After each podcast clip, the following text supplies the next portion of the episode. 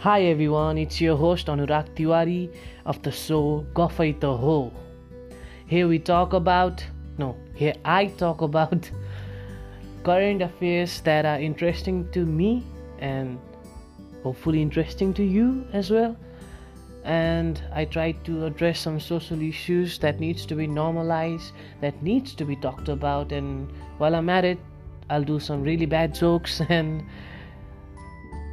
and my weird thoughts might irk you. So don't tell me I didn't warn you.